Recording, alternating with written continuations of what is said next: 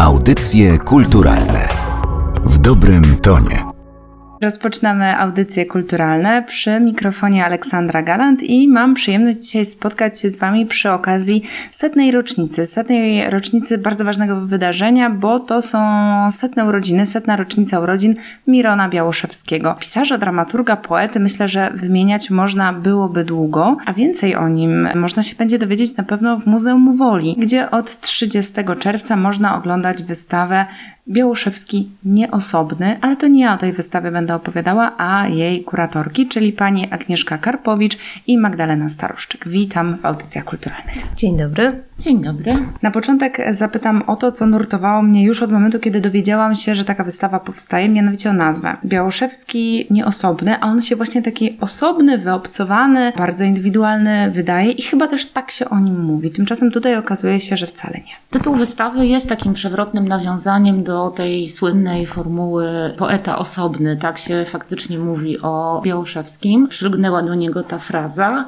Jest to odniesienie przewrotne, dlatego że właśnie chcemy z tym stereotypem, nawet bym powiedziała, osobności Białoszewskiego trochę zerwać. Na wystawie skupiamy się na jego twórczości z lat 40., 50., 60., czyli tej z okresu działalności teatralnej, a więc grupowej, a więc właśnie nie osobnej, kiedy Białoszewski tworzył teatr na Tarczyńskiej, potem teatr osobny ze swoimi przyjaciółmi i też sięgamy po te czasy wcześniejsze, kiedy to z inicjatywy Svena Czacharowskiego, Stanisława Svena Czacharowskiego już w latach 40. w czasie okupacji Białoszewskiej brał udział w działaniach tak zwanego teatru lotnego. I to jest pierwszy wymiar nieosobności, czyli skupiamy się na tym Białoszewskim, który działał wspólnie, który był członkiem wielu grup artystycznych, performatywnych i którego sztuka bardzo mocno wynikała z wzajemnych relacji z innymi ludźmi i inspiracji twórczych, które z tych relacji właśnie wynikają.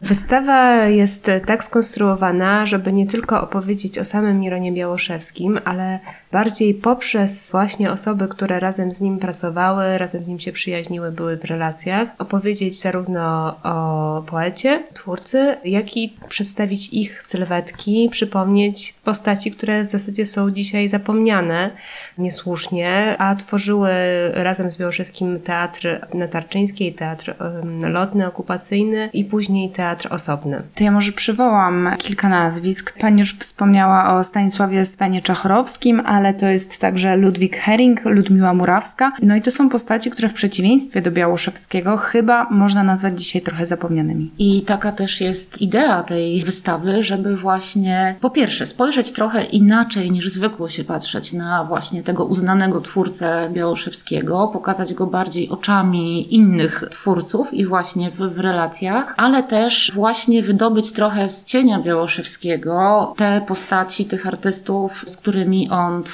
Dzisiaj wręcz utarło się mówienie na przykład o teatrach czy teatrze Białoszewskiego albo języku teatralnym Białoszewskiego, podczas gdy właśnie już sama ta formuła, sama ta fraza oznacza jakieś wyrugowanie z pamięci, prawda? Lecha Emfazego Stefańskiego, u którego w domu, za którego pieniądze, w którego alkowie była scena teatru na, na Tarczyńskiej, który ją zainicjował i, i zainspirował. Oczywiście Białoszewski z Heringiem trochę wyjaśnili te relacje autorskie sztuk teatralnych między sobą. To był słynny list do dialogu, w którym Białoszewski przyznał się i wyjaśnił sprawę współautorstwa niektórych sztuk przez Heringa, ale dzieje się jakoś tak, że właśnie nadal jest on trochę wypierany z tej pamięci o teatrach. Tutaj też odwołujemy się do tej frazy, z której pierwsza scena Teatru Natarczyńskiej już korzystała, to znaczy tego hasła Cocteau, mówiącego o tym, że nie istnieje taka tytaniczna jednostka, która sama mogłaby być wszystkim w teatrze, aktorem, reżyserem, scenografem.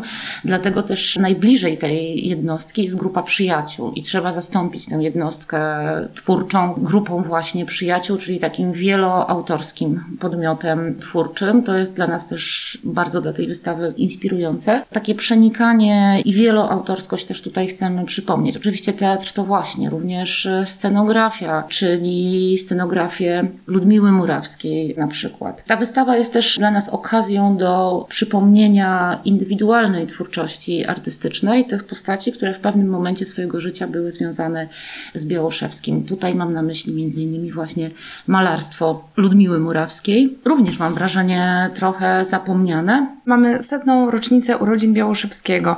Takie święto wyjątkowe, bardzo okrągłe, które można powiedzieć zachęca i aż prowokuje do tego, żeby analizować twórczość Białoszewskiego, zastanawiać się nad jego pracą, nad jego fenomenem, być może nad jego wielkością. Tymczasem panie postanowiły zająć się takimi trochę satelitami Białoszewskiego i tym, jak jego twórczość prawdopodobnie zmieniała się ze względu na ludzi, których on miał obok siebie. Rzeczywiście jest tak, że można powiedzieć, że jakoś jest przewrotna ta wystawa, a przynajmniej poprzek być może jakimś oczekiwaniom czy utartym schematom właśnie mówienia o artyście, ale no właśnie jest to świadoma decyzja takiego dekonstruowania tego stereotypu, że, że artysta samotnie tworzy, nie, niezależnie od innych. Przypominamy o tym, że ta twórczość u Białoszewskiego myślę, że to jest zresztą bardzo istotne, bo ona taka jest, że wyrasta z codzienności, wyrasta z relacji z ludźmi i przypominamy o tym, jakie te relacje były, skąd się te inspiracje brały, jak krzyżowały się,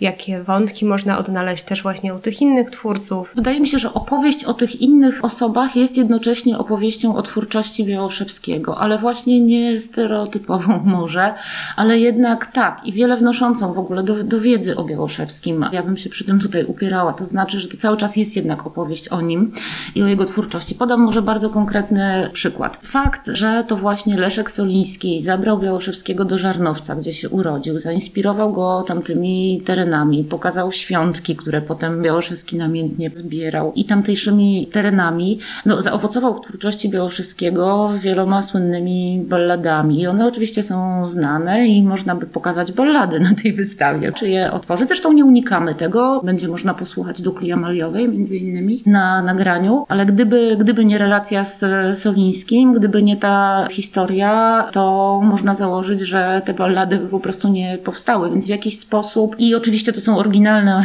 ballady Białoszewskiego, natomiast tak rozumiemy relacje i inspiracje. W tym też sensie jakby uruchomienie tu postaci Solińskiego no jest opowieścią o twórczości Białoszewskiego, jakieś tak próbujemy pokazać źródła tej twórczości. To jest historia grupy kobyłeckiej, tak zwanej, czyli tych początków powojennych, kiedy całe środowisko spotykało się w Zielonce i Kobyłce i kiedy na przykład organizowano e, nie tylko no, spotkania, wieczorki, ale jakieś, można by powiedzieć, takie teatra leśne, tak to się nazywało, również wyjazdowe, nie tylko na tych obrzeżach Warszawy. Wykorzystywano właśnie te wszystkie krzaki, zielska, tereny zielone, które przecież potem no, były bardzo istotne w twórczości Białoszewskiego, więc trochę ja mam wrażenie, że jednocześnie opowiadając o tych osobach, opowiadamy o źródłach twórczości Białoszewskiego. I w tym sensie to jest cały czas wystawa o nim, chociaż może narracja nie jest standardowa i jest trochę przewrotna. Czy można powiedzieć, że oprócz Białoszewskiego i artystów, którymi się otaczał, a właściwie może nie którymi się otaczał, a z którymi współtworzył,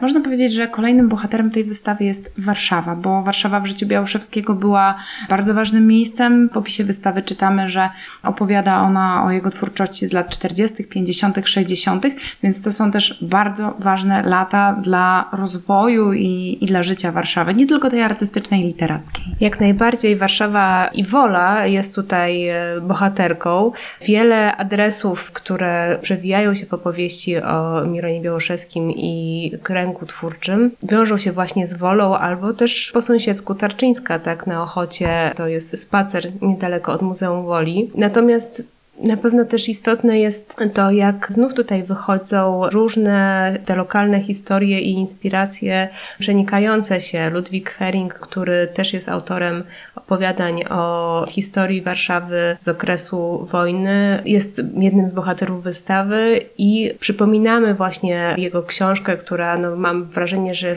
wciąż jest zbyt mało znana, a to bardzo ważna pozycja, w której znajduje się między innymi opowiadanie o Zieleniaku i i przywołujemy też właśnie, począwszy od tych lat 40., od historii okupacyjnej, historii getta warszawskiego, zniszczenia Warszawy przez dalej lata 50., kiedy mamy do czynienia z sytuacją biedy, takich niedoborów powojennych i to po prostu jest widoczne w samych obiektach z teatrów, zarówno Starczyńskiej, jak i z teatru osobnego. Scenografie do tych teatrów często powstawały z tego, co było pod ręką, nawet ze śmieci. Pokazujemy m.in. słynną tacę wyciągniętą ze śmietnika, która następnie stała się rekwizytem teatralnym. Co za tym idzie też przypominamy o tym, w jakich warunkach artyści tworzyli, że to były zwykle ciasne, małe mieszkania z przydziału.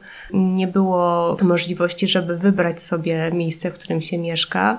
Dlatego może tak ciekawym wątkiem są też te podwarszawskie miejscowości, które być może dawały jakąś większą przestrzeń wolności właśnie w tych bardzo trudnych czasach.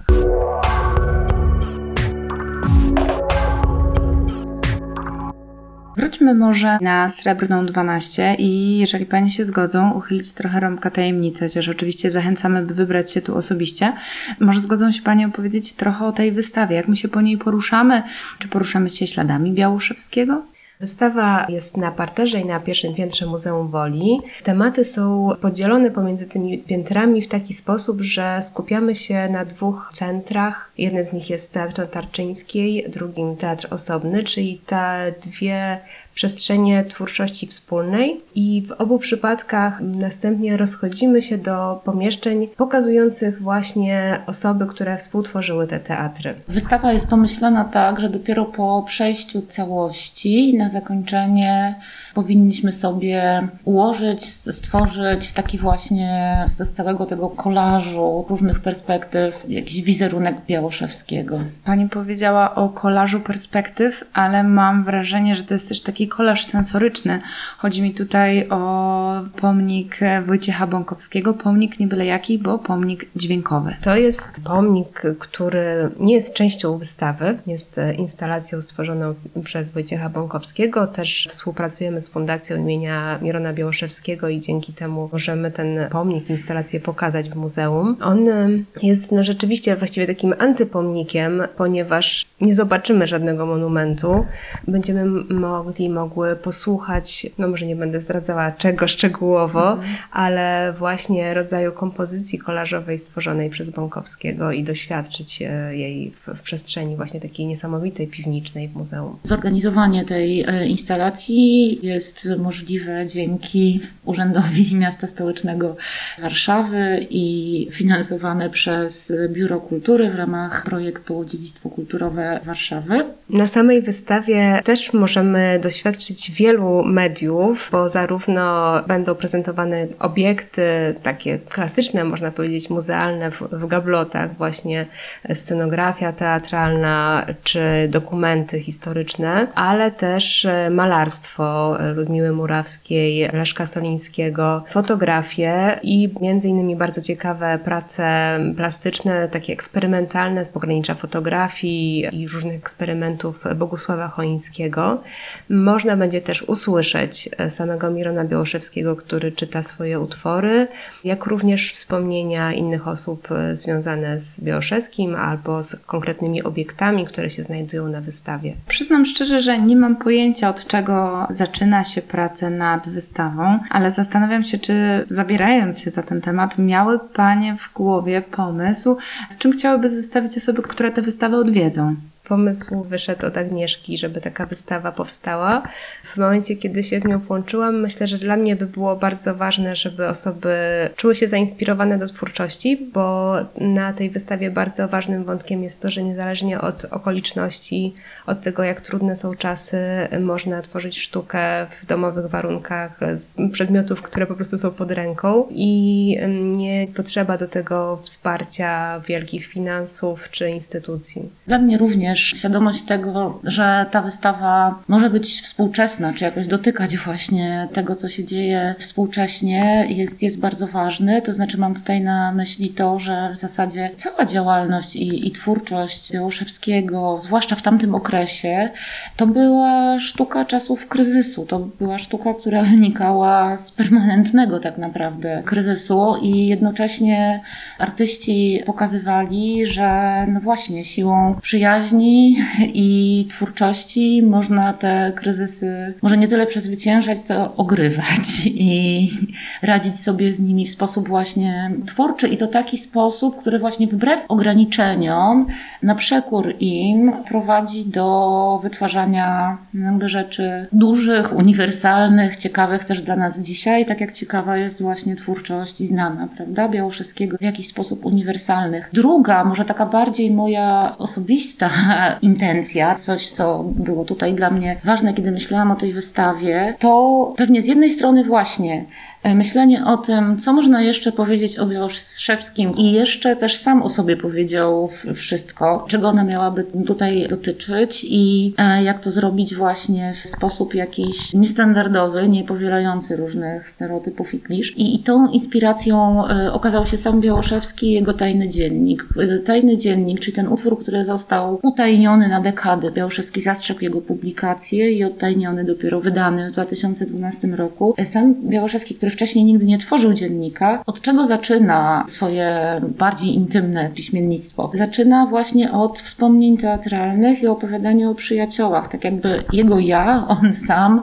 istniał właśnie przez relacje, tak, z innymi, żeby opowiedzieć o sobie w tym dzienniku, on opowiada o innych ludziach. To była taka inspiracja i moja też intencja, żeby na to stulecie nie tyle zorganizować coś i opowiedzieć coś tak, żeby wpisywało się w oczekiwania, tylko tak, żeby może zbliżyć się do czegoś, o czym zakładałam, że, że mogłoby być oczekiwaniami samego bohatera, czyli, czyli Białoszewskiego, jakoś wpisywać się w to, jak on sam o sobie myślał w tym, w tym tajnym dzienniku. No i oczywiście wielka inspiracja płynąca z książki pod redakcją Hanny Kirchner, Miron Wspomnienia o poecie, książka z lat 90., kiedy to Hanna Kirchner właśnie chciała stworzyć taką opowieść biograficzną, napisać biografię Białoszewskiego i doszła do wniosku, że można to zrobić tylko w jeden sposób.